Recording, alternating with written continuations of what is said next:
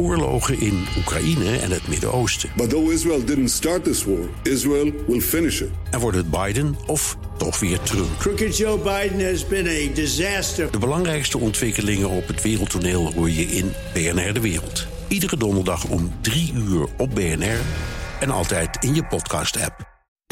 BNR Werkverkenners wordt mede mogelijk gemaakt door BrainNet. BrainNet voor zorgeloos en professioneel personeel inhuren. BNR Nieuwsradio. Werkverkenners. Rens de Jong.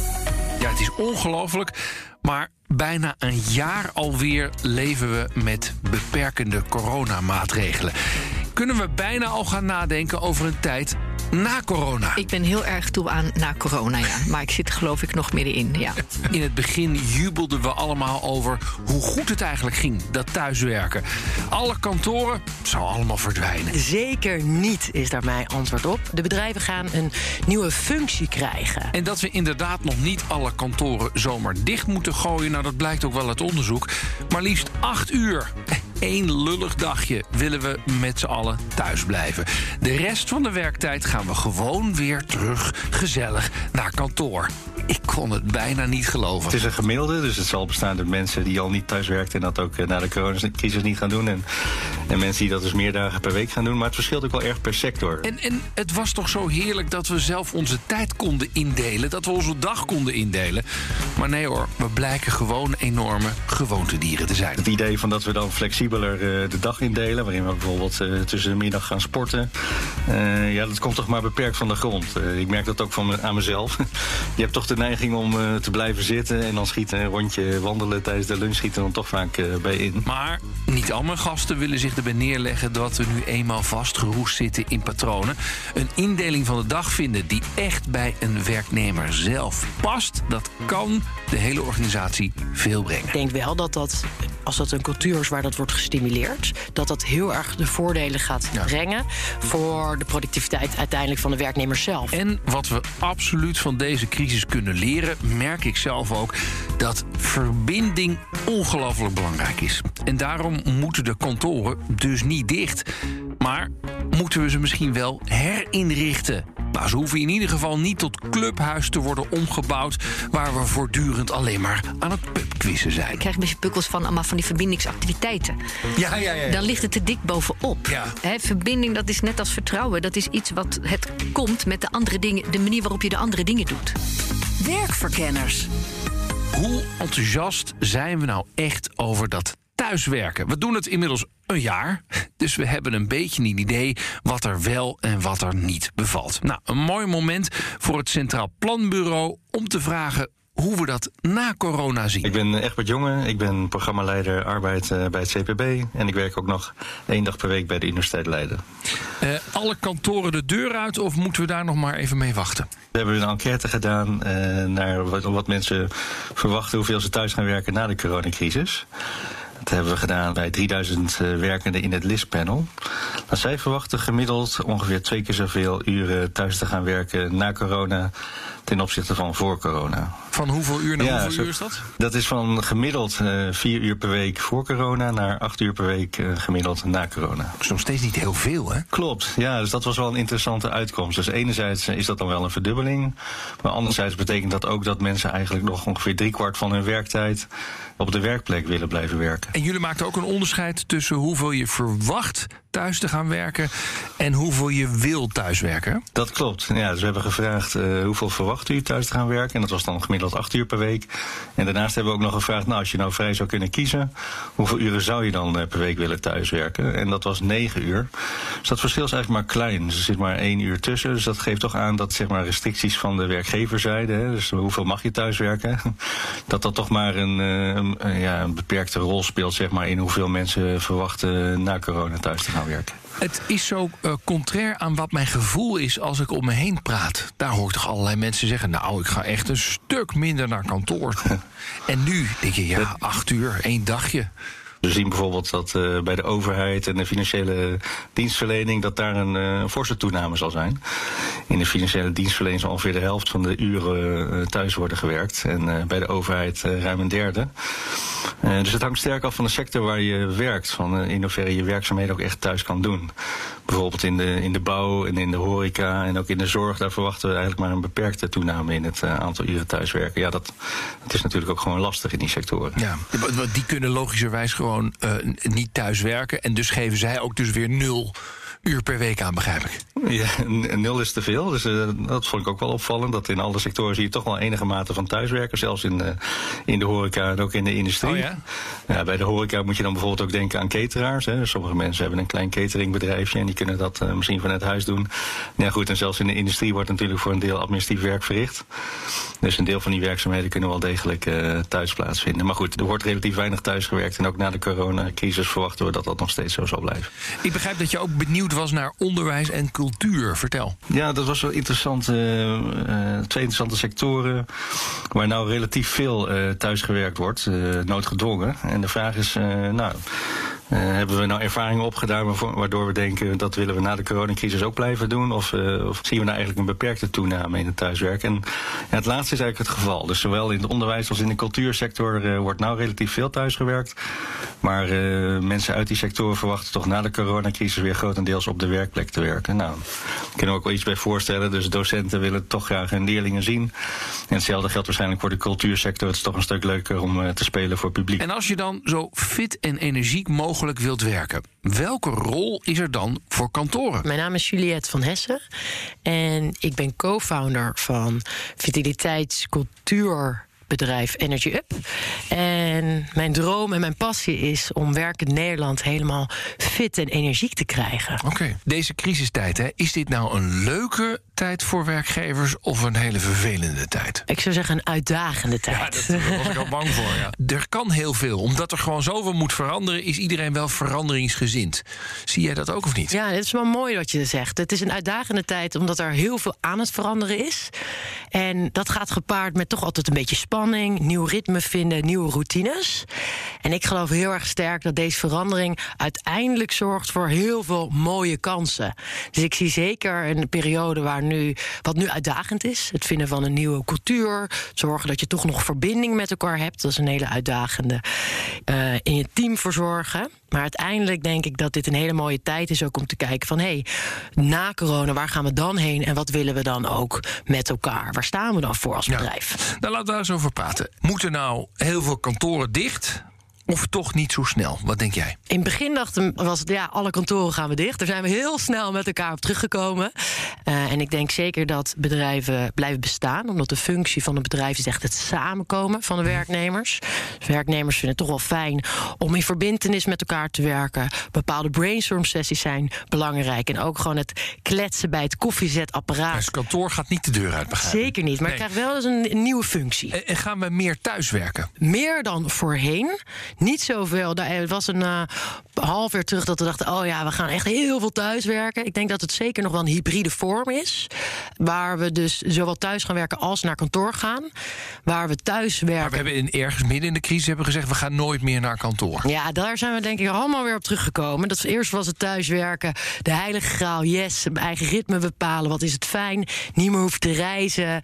Uh, niet meer de file. je collega's. En nu missen we allemaal onze collega's. We missen het contacten zijn uiteindelijk niet gewerkt om constant achter onze computer te zitten, achter elkaar, zonder te kletsen over koetjes en kalfjes met onze collega's. Dus ik denk zeker dat. Uh, Wat is de ideale verdeling? Dat hangt heel erg af van het bedrijf. Als je bijvoorbeeld een heel duurzaam bedrijf bent, is het misschien interessant om meer thuis te werken, omdat je dat bij de strategie past, omdat je dan niet hoeft, je naar werk hoeft te verplaatsen. Maar als je bijvoorbeeld op de Zuid, als mensen ook een bedrijf, dat je denkt van hé, hey, ik wil dure prijs van vierkante meter, hoe gaan we ons bedrijf anders inrichten en meer als ontmoetingsplek insteken, waar mensen samenkomen met een mooie koffieplek en brainstorm sessies. Dus ik denk dat dat heel erg afhankelijk is van het bedrijf en ook van de van de werknemers. Mhm. Hoe zou meer naar kantoor gaan het thuiswerken ook kunnen helpen? Ik zie het thuiswerken heel erg als momenten dat je echt je eigen dag kan indelen en heel productief je werk kan inrichten. Dus dat is echt het, het, even het knallen, om het zo te zeggen. En ik zie het naar werk gaan echt voor het werkgeluk. Dus ik ben een werkgelukdeskundige ook. En ik zie hoe belangrijk het is, zeker voor de jongere generatie, om bij een bedrijf echt te passen. Dus echt de cultuur te proeven, verbonden te zijn met je collega's, in het DNA te kruipen van de organisatie. En dat ga je niet, dat ga je niet al thuiswerkend. Absoluut niet. Nee, Nee, nee. ik zie dat dat echt de functie is dus van het kantoor. Dus echt cultuur proeven, betekenisvol werk voelen, staan achter organisatie, de purpose, eh, collega's mee banden. En daarom is het zo belangrijk, de hybride vorm. Maar wacht eventjes hoor. Dan klinkt het bijna als het, dat het kantoor een soort clubhuis wordt... waar je meer met elkaar gaat sporten dan iets anders gaan doen. Dat lijkt me toch niet helemaal de Ja, dat bedoeling. is wel heel erg mooi gezegd. Nou ja, ik zie meer. dan- Ik zie wel dat stel je je werkt thuis echt heel productief. Ik, ik pleit er ook voor als je naar kantoor gaat, calculeer ook een uurtje in, zeker wel, om dan echt eh, minder in je to-do-lijstjes om te connecten Lummelen, met je lummelen, collega's. Een beetje rond, eh, rond, eh, rond Ja, ja, je kan het zo noemen, maar je kan het ook. Het is, eh, het is naar idee zo belangrijk wat we ook zien om met je collega's te behandelen. Om niet over werk af en toe te praten bij het koffiezetapparaat. En ik denk ook zeker de uitdagen, het, uitdagen dat je voor de leidinggevende is ook om dat te stimuleren. Ja. Om echt te stimuleren dat er mag gekletst worden af en toe als je naar kantoor komt. En ook voor breinvriendelijk werken blijkt het kantoor een belangrijke functie te hebben. Ik ben Ulrika Leons. Ik ben eh, directeur van Skills, Zorg van de Zaak. En ik ben gezetpsycholoog, eh, organisatieadviseur van beroep. Alle kantoren, kunnen die de deur uit of moeten we niet zo snel gaan? Ho, ho, ho. niet zo snel. Nou, nee, dat denk ik niet. Dat lijkt me niet. Ik, eh, ik heb het idee dat mensen juist heel erg terug verlangen naar kantoor.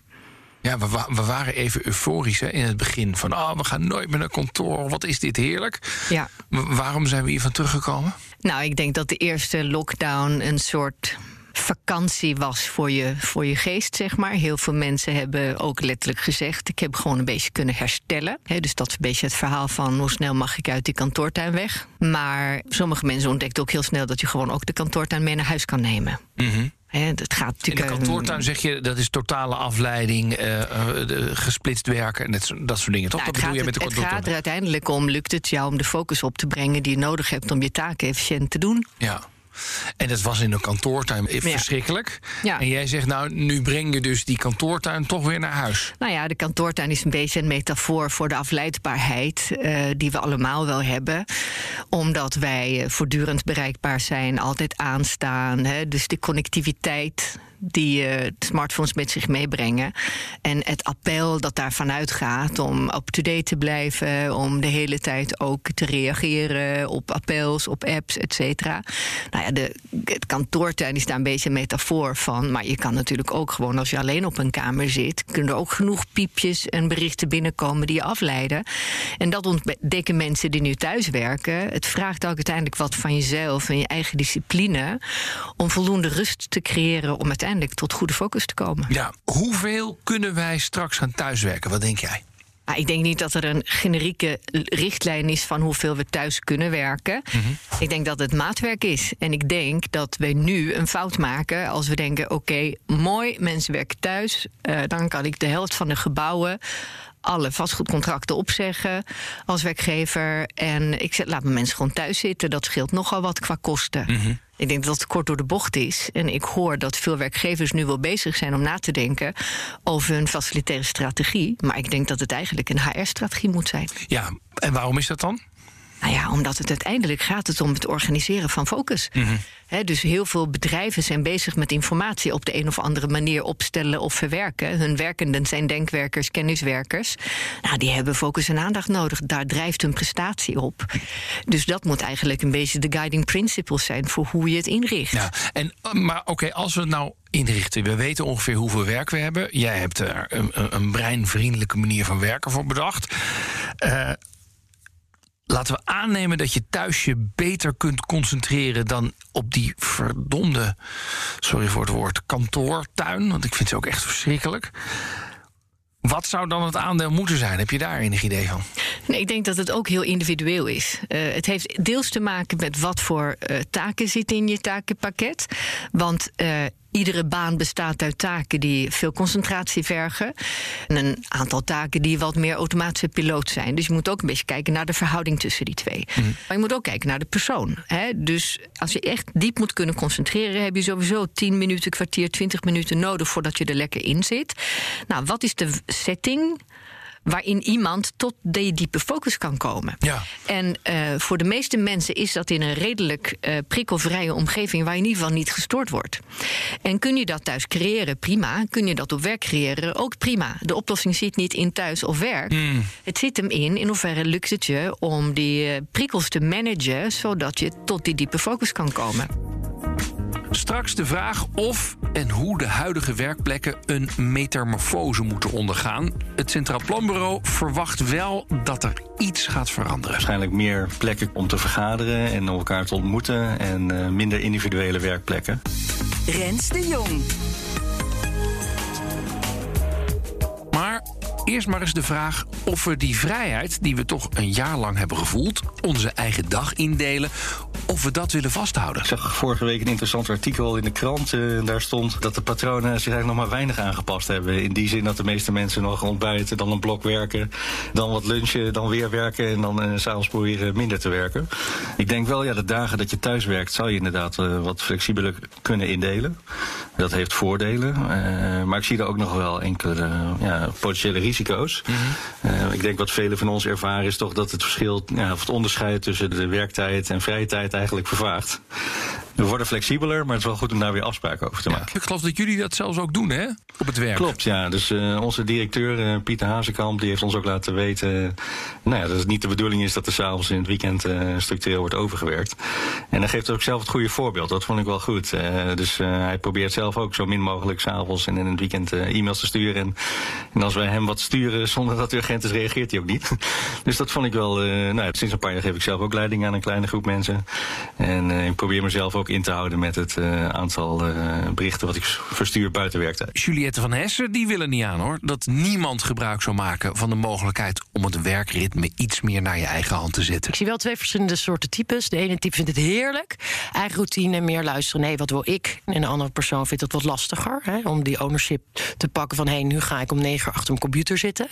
Ik denk wederom dat we weer in een transitie zitten. En ik pleit er juist voor om te kijken van hé, hey, hoe fijn is het om echt te luisteren van hé, hey, deze dagen, ik werk beter bijvoorbeeld persoonlijk zelf veel beter in de ochtend. Dus in de ochtend sta ik ook eerder op. Dus ik sta om zeven uur op en ik begin echt een stuk eerder met werk. En ik stop ook eerder, omdat ik in de ochtend gewoon veel productiever ben. En tussendoor ga ik sporten. En dat is heel erg fijn, want daar haal ik veel meer uit mijn dag. En ik kan ook luisteren meer naar mijn eigen behoeftes. Mm -hmm. ja. En ik merk ook veel meer in mijn kracht staan. Dat hoor ik ook veel van mensen om mij heen. Maar denk je, dat is even de vraag, Juliette. Gaan wij nu meer onze tijd zelf indelen? Denk je dat die trend niet Ja. meer doorbroken kan worden? Nee, ik denk dat dat niet meer doorbroken kan worden. Maar sommige mensen vinden het misschien ook wel prettig dat er gewoon een heel helder ritme is. Je begint om negen uur, het is om vijf uur klaar, rij je van en naar kantoor. En, en dan is het ook afgesloten. Ja, en ik denk nog steeds nog daar ruimte voor geboden mag worden. Hè? Dus dat is als iemand dat ritme heel erg fijn vindt, dan houdt hij zich aan dat ritme. Mhm.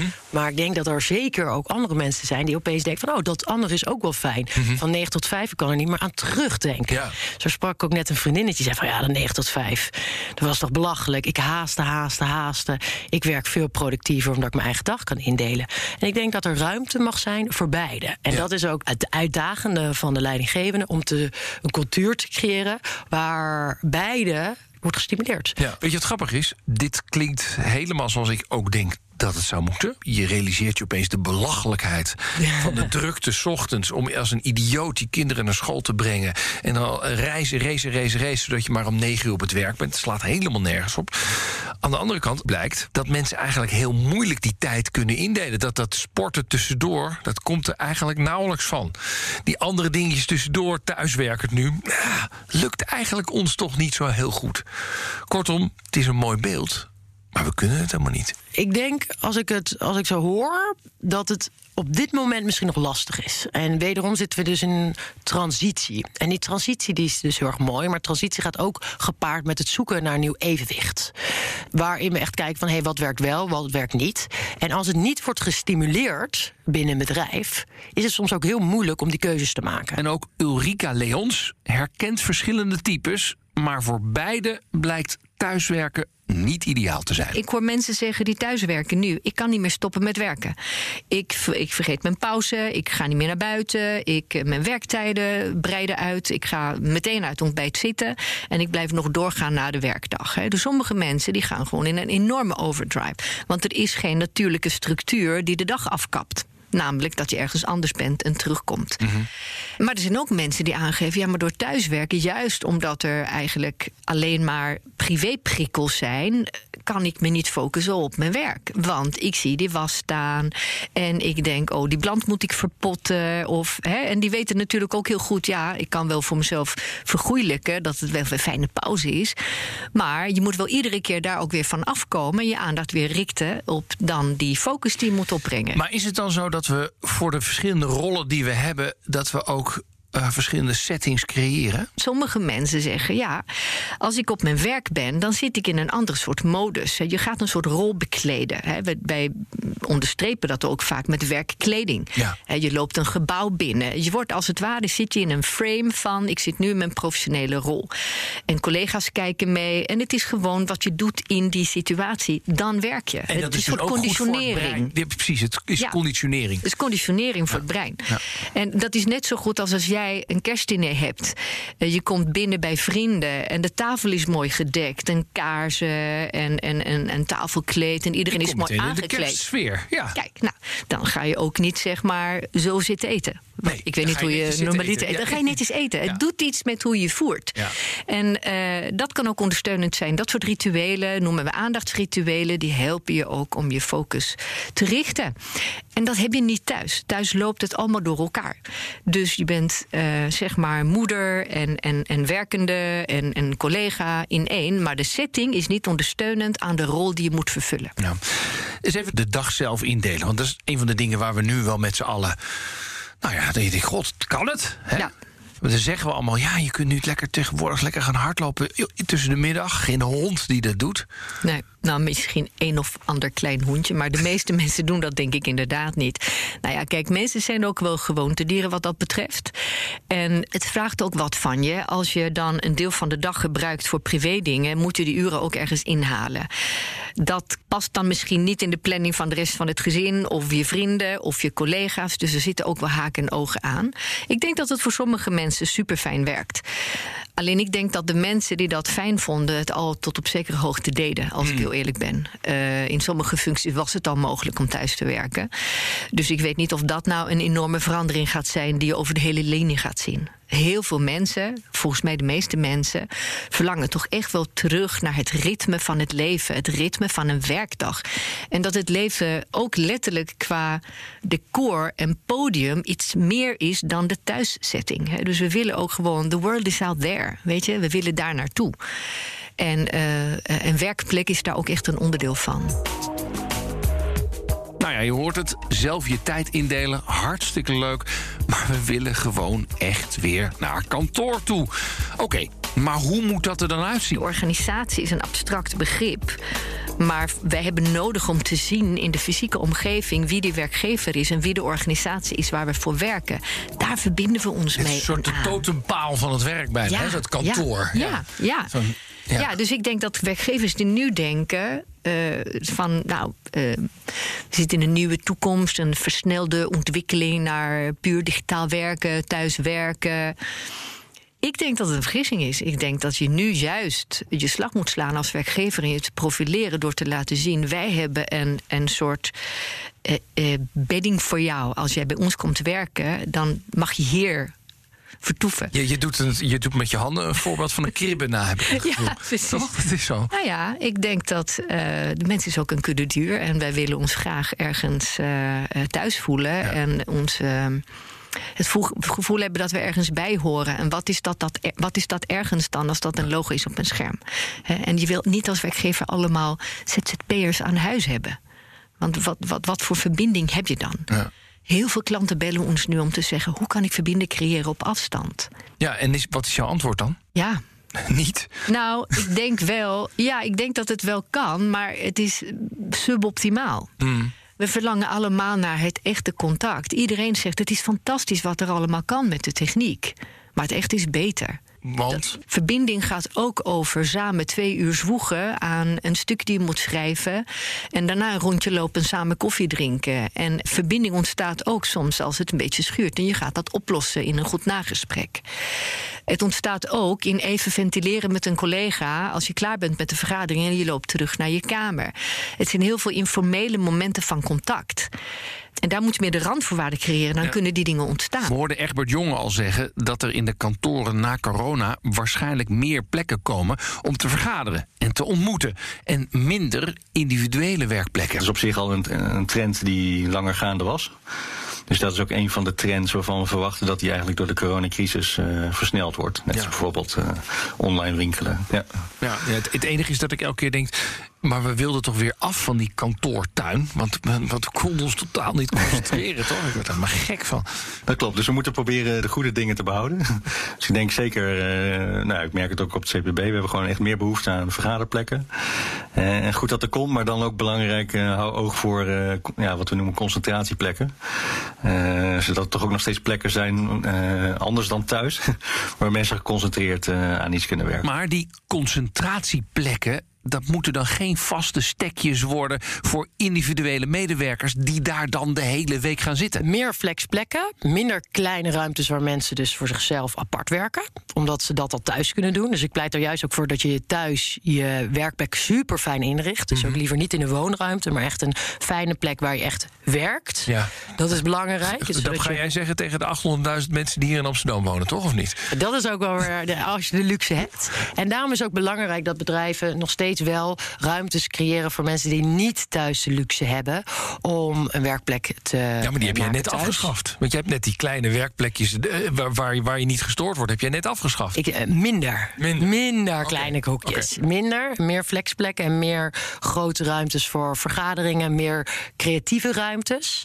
Echt goede koffie. Ik pleit echt voor echt goede koffie. Dat echt een feestje is om koffie te halen. Even één ding. Jij zegt, ja, ik wil creatieve ruimtes. Dat hoor ik iedereen zeggen. En elke keer denk ik, ja, maar wat bedoel je daar dan mee? Ik heb wel eens bij, bij banken gezeten... en die hebben dan een paar zitzakken neergezet. Nou, daar voel je je heel creatief, maar is het toch nog steeds een vergadering, hè, waar ik zit dan. Ik denk dat dat eh, heel mooi kan opgevangen worden door externe partijen die daar. dat hele- snap ik, dat snap ik. dat is, vind ik lastig. Dat is niet mijn expertise. Dus ehm, Maar je zegt, oké, het moet wel anders ingericht worden. Dus je zegt... Nou, la- laat ik iets anders zeggen. Want jouw bedrijf eh, zorgt ervoor dat er werkgeluk is bij mensen. Dat ze ook actiever worden, toch? ja, ja, dat is echt. eh, ja. Kun je daar dan, eh, wat zou het actieve, gezonde element in bedrijven kunnen worden? Ja, ik zou het, nou, en wederom, het ligt er aan de grootte. Ik zou het bijvoorbeeld heel tof vinden als er een plek is waar je kan sporten. Een plek is waar je in stilte kan werken. eh sportruimte, heel veel planten, veel licht. Licht is super belangrijk. Echt een ruimte dat je binnenkomt en denk je: hé, hey, ja, hier wil ik zijn. Hier wil ik binnenkomen. En waar ruimte is ook voor verschillende sportmogelijkheden. Wat jullie, begrijp ik, met jullie bedrijf, doen jullie online sporten met elkaar? Op dit moment doen we veel eh, online. Maar in het algemeen zijn wij een eh, bedrijf die vooral in de cultuurtransitie zit. Dus daarom is dit ook ja, een heel mooi moment voor ons. Omdat we zien bij bedrijven dat daar nu ook echt een wijze behoefte in is.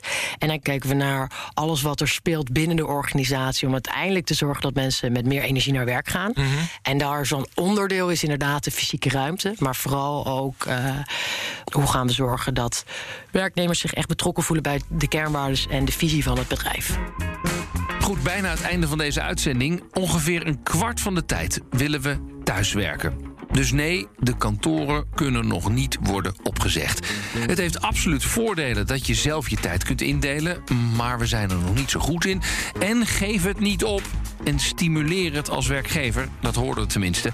En laten we hopen dat het inderdaad gaat lukken. Anders gaan we straks gewoon weer met z'n allen in die files aansluiten of in een volgepropte trein zitten. En dat was toch eigenlijk wel prettig dat we dat niet hadden. Het kantoor, dat mag wel blijven, maar het kan wel een opfrisbeurt gebruiken. Meer ruimte voor samenwerken en minder individuele plekken. Al moet er ook gelegenheid zijn voor concentratiewerk. Nou, hoe het er dus precies allemaal gaat uitzien, mm, ja, dat blijft nog wel iets om over door te filosoferen. Dit was Werkverkenners voor deze week. Productie en redactie Nelleke van der Heijden. Mijn naam is Rens de Jong. En volgende week dan krijg je weer een verse op dinsdag om half vier. En natuurlijk in je podcast-app kun je hem op ieder moment terugluisteren. En vind je dit een leuke uitzending? Laat het ons dan even weten. En vooral geef ons een beoordeling. Dat helpt om andere luisteraars te vinden. Tot de volgende keer. Dag. BNR Werkverkenners wordt mede mogelijk gemaakt door BrainNet. BrainNet voor zorgeloos en professioneel personeel inhuren. Ook Thomas van Zeil vind je in de BNR-app. Je kunt live naar mij luisteren in Zaken doen. De BNR-app met breaking news, het laatste zakelijke nieuws... en je vindt er alle BNR-podcasts, bijvoorbeeld Het Nieuwe Geld. Download nu de gratis BNR-app en blijf scherp.